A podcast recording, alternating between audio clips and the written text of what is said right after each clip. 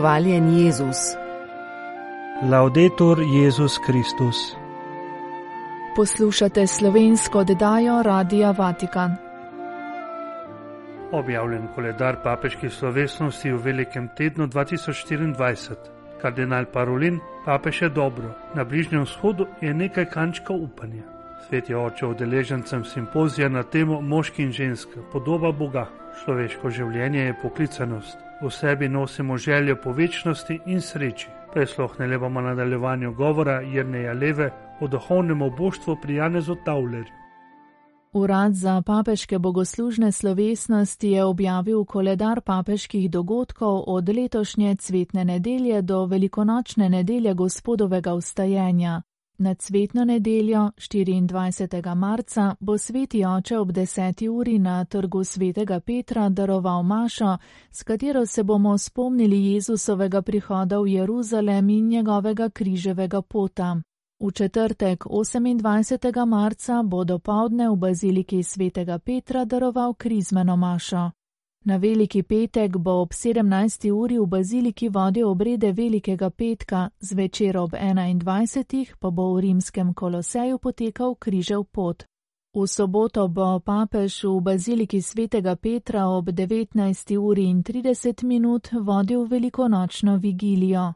Na velikonočno nedeljo gospodovega ustajenja 31. marca bo ob 10. uri na trgu svetega Petra daroval mašo, ob 12. pa bo z osrednje lože bazilike podelil blagoslov Urbi et Orbi. Državni tajnik Pietro Parolin je za televizijo 2000 v petek 29. februarja ob robu zasedanja katedre za gostoljubje v Sakrofanu spregovoril o papeževem zdravju in bližnjem vzhodu.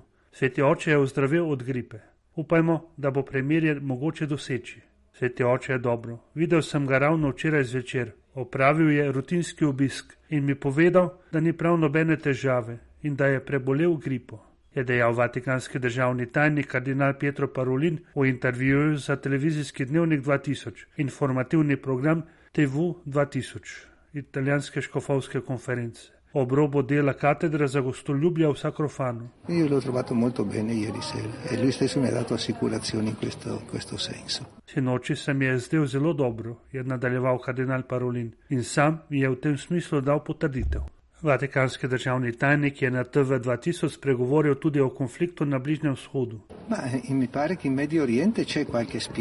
No? Zdi se mi, da je na Bližnjem vzhodu nekaj kančka upanja, v smislu, da smo videli, da si diplomacija prizadeva doseči premirje in zato tudi dostop humanitarne pomoči, ki je najbolj občutljiva točka. Kolikor sem slišal neposredno iz lokalnih virov, to je dobava hrane, zdravil in zdravstvene oskrbe. Ampak vidim, da je težko, ni preprosto. Zaznavam, je zaključil Parolin, da je neka aktivnost, da je nek premik. Upamo, da bo to dozorelo in resnično postalo premirje za to prizadeto območje. Sveti oče je danes prijel audienco udeležence simpozija na temo Moški in ženska podoba Boga za antropologijo poklicev. Dogodek je 1. in 2. marca v Rimu organiziral Center za raziskovanje in antropologijo poklicev, ki se od novembra 2020 posveča mednarodnemu akademskemu raziskovanju, usmerjenemu v boljše razumevanje pomena in pomembnosti poklicev v cerkvi in družbi. Na mesto papeža je govor prebral monsignor Filipo Čampaneli z državnega tajništva. Sveti oče se je pri tem opravičil, saj je, kot je dejal, še vedno prehlajen in ga branje utrudi.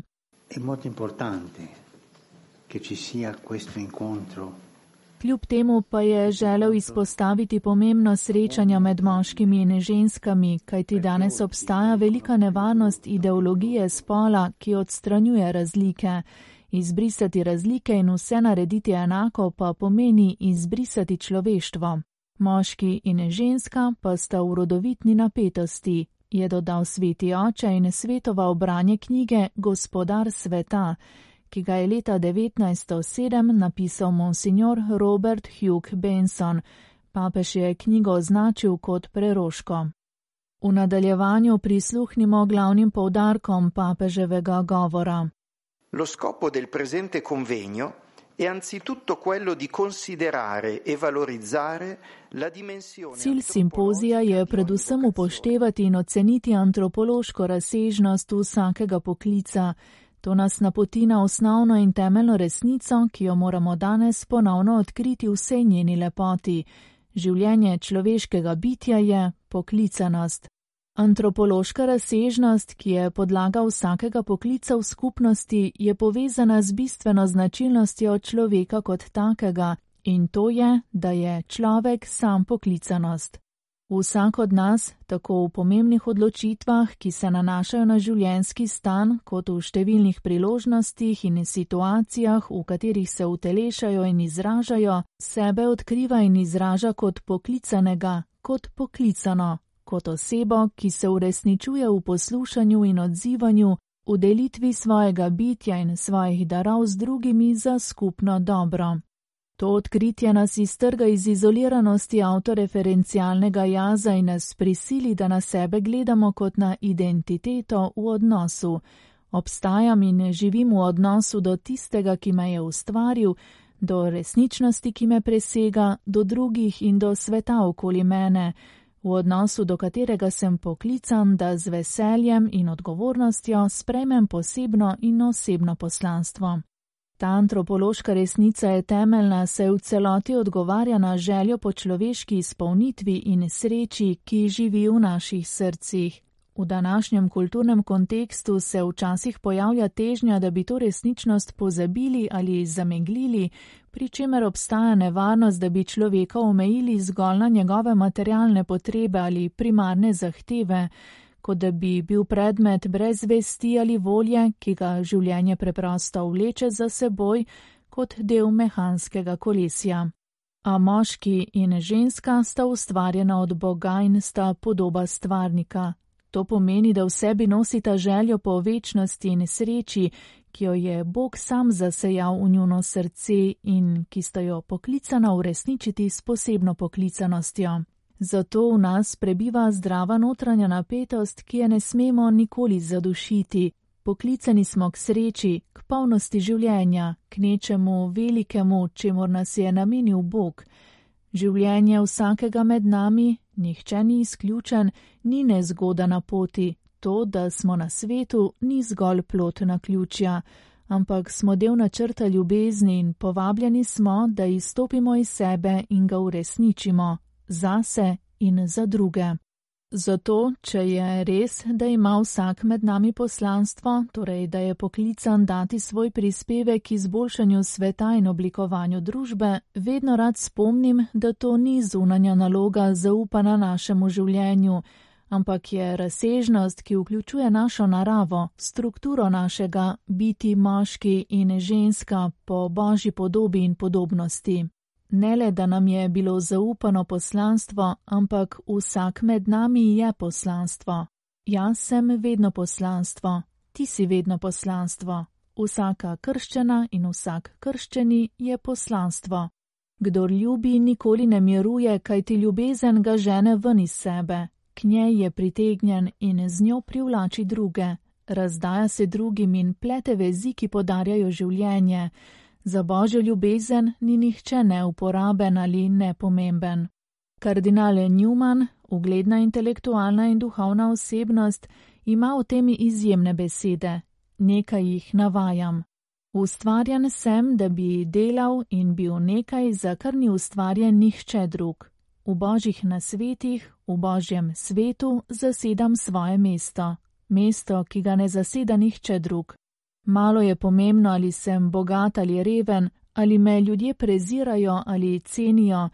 Bog me pozna in me kliče po imenu.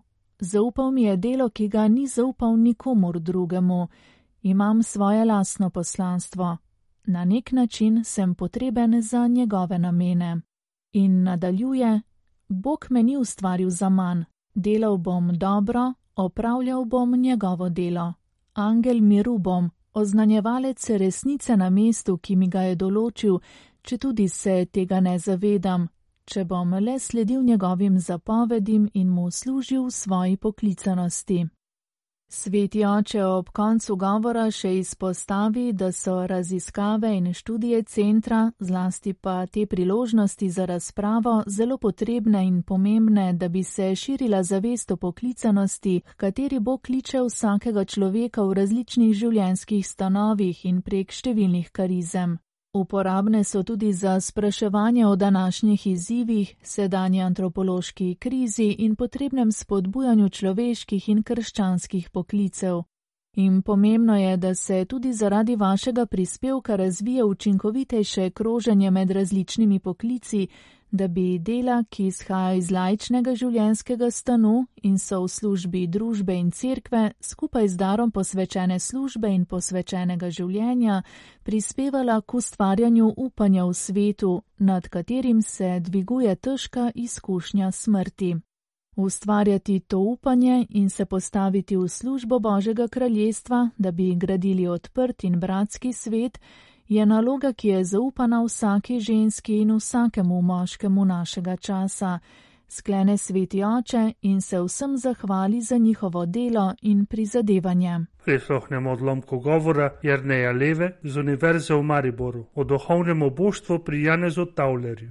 Za Boga biti pomeni biti v drugem. Biti za, tako v njem, v tem notranjem božjem življenju, kot v izlivanju, ko pride tudi do stvarjenja. Če pridemo do Taulerja, torej vidimo, da je prav oboštvo izraz, ki zajema vso to notranjo dinamiko Boga in teži k temu, da bi se ta dinamika uresničila tudi človeko. Torej, oboštvo je v prvi vrsti Božja narava, ki pleše od ene osebe do druge, ki sama sebe razlasti, da se najde v drugi. Oče je oče, ker ima sina. Sin je sin, ker ima očeta. Božje življenje je torej radikalna razlastitev samega sebe v drugemu, In biti ubog pomeni biti prost kakršnekoli vezanosti na svoje želje, na črte delovanja, ki bi imelo cilj za nas same. Odpoved lastni volji nas najbolj osvobaja in omogoča razpoložljivost za najglobjo vrsto bližine in prisotnosti. Spet paradoks, čisto v medosebnih odnosih, nasproti nekemu intuitivnemu dojetju, ki bi sicer reklo, bolj kot smo svobodni, bolj imamo zmožnost izbire, bolj imamo zmožnost izvrševati svojo individualno voljo. Tauler pravi, da je največja svoboda, ko svoje volje nimamo.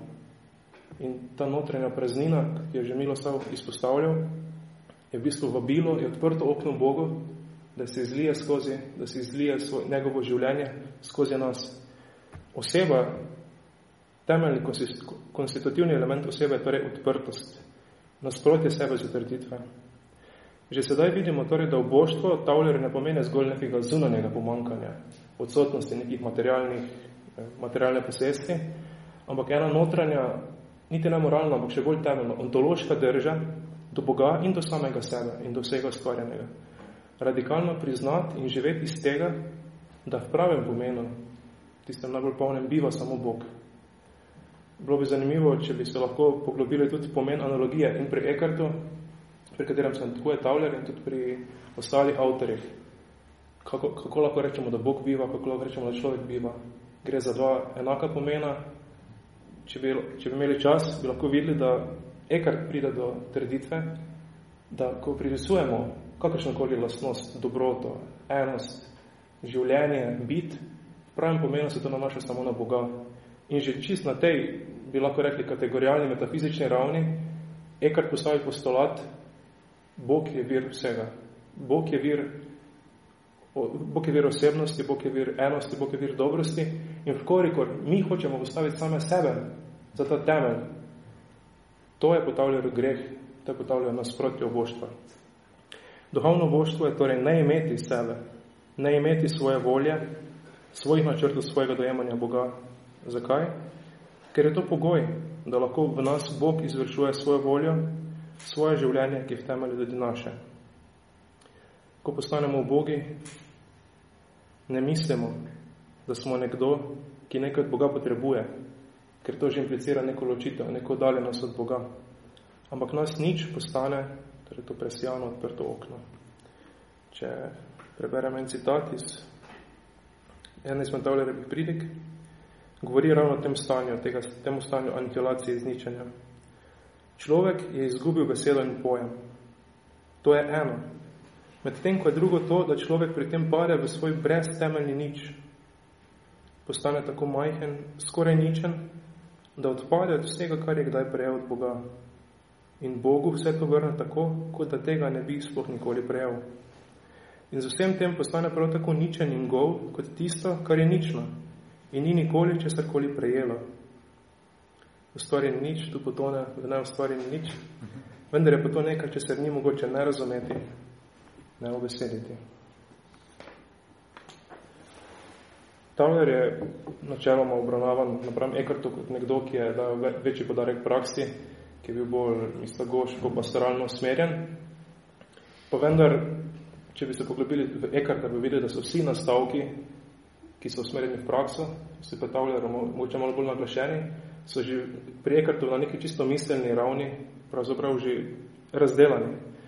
In tudi Tauler v bistvu sveti Ekartu pri tem, kot rečeno, da oboštvo ni nek moralni postulat, neka, neka naša zastavitev, nekega cilja, ki ga bomo probali uresničiti svojo voljo. Zakaj? Ker smo začeli z izhodiščem, da smo mi tisti, ki bomo nekaj naredili. In smo od oboštva popolnoma dali stran, kot če se sploh ne bi nikoli trudili. Obstaja jaz, ki bo začel neko dejavnost in jaz bo to dejavnost uresničil. Boštvo pa ravno nasprotno. Priznati, da sploh ni dobenega jaza, ki bi lahko sam po sebi nekaj delo. Da razen Boga, ki v nas izvršuje, kar na nek način predpostavlja tudi neko pasivnost, ki je v resnici nekaj najbolj aktivnega, kar lahko človek je deležen, da torej ta pasivnost pustiti Bogu, da nas tale pravi preko trpljenja, preko notranje teme, preko stisk, preko zavrnitve, nas oblikuje, nas očiščuje, nas samih, to je prvi in temeljni korak do pravega oboštva. Prvi korak je globoka zavrnitev lažnega površinskega obstoja, torej te zmotne identitete, ki smo na začetku omenili, ki biva izolirano.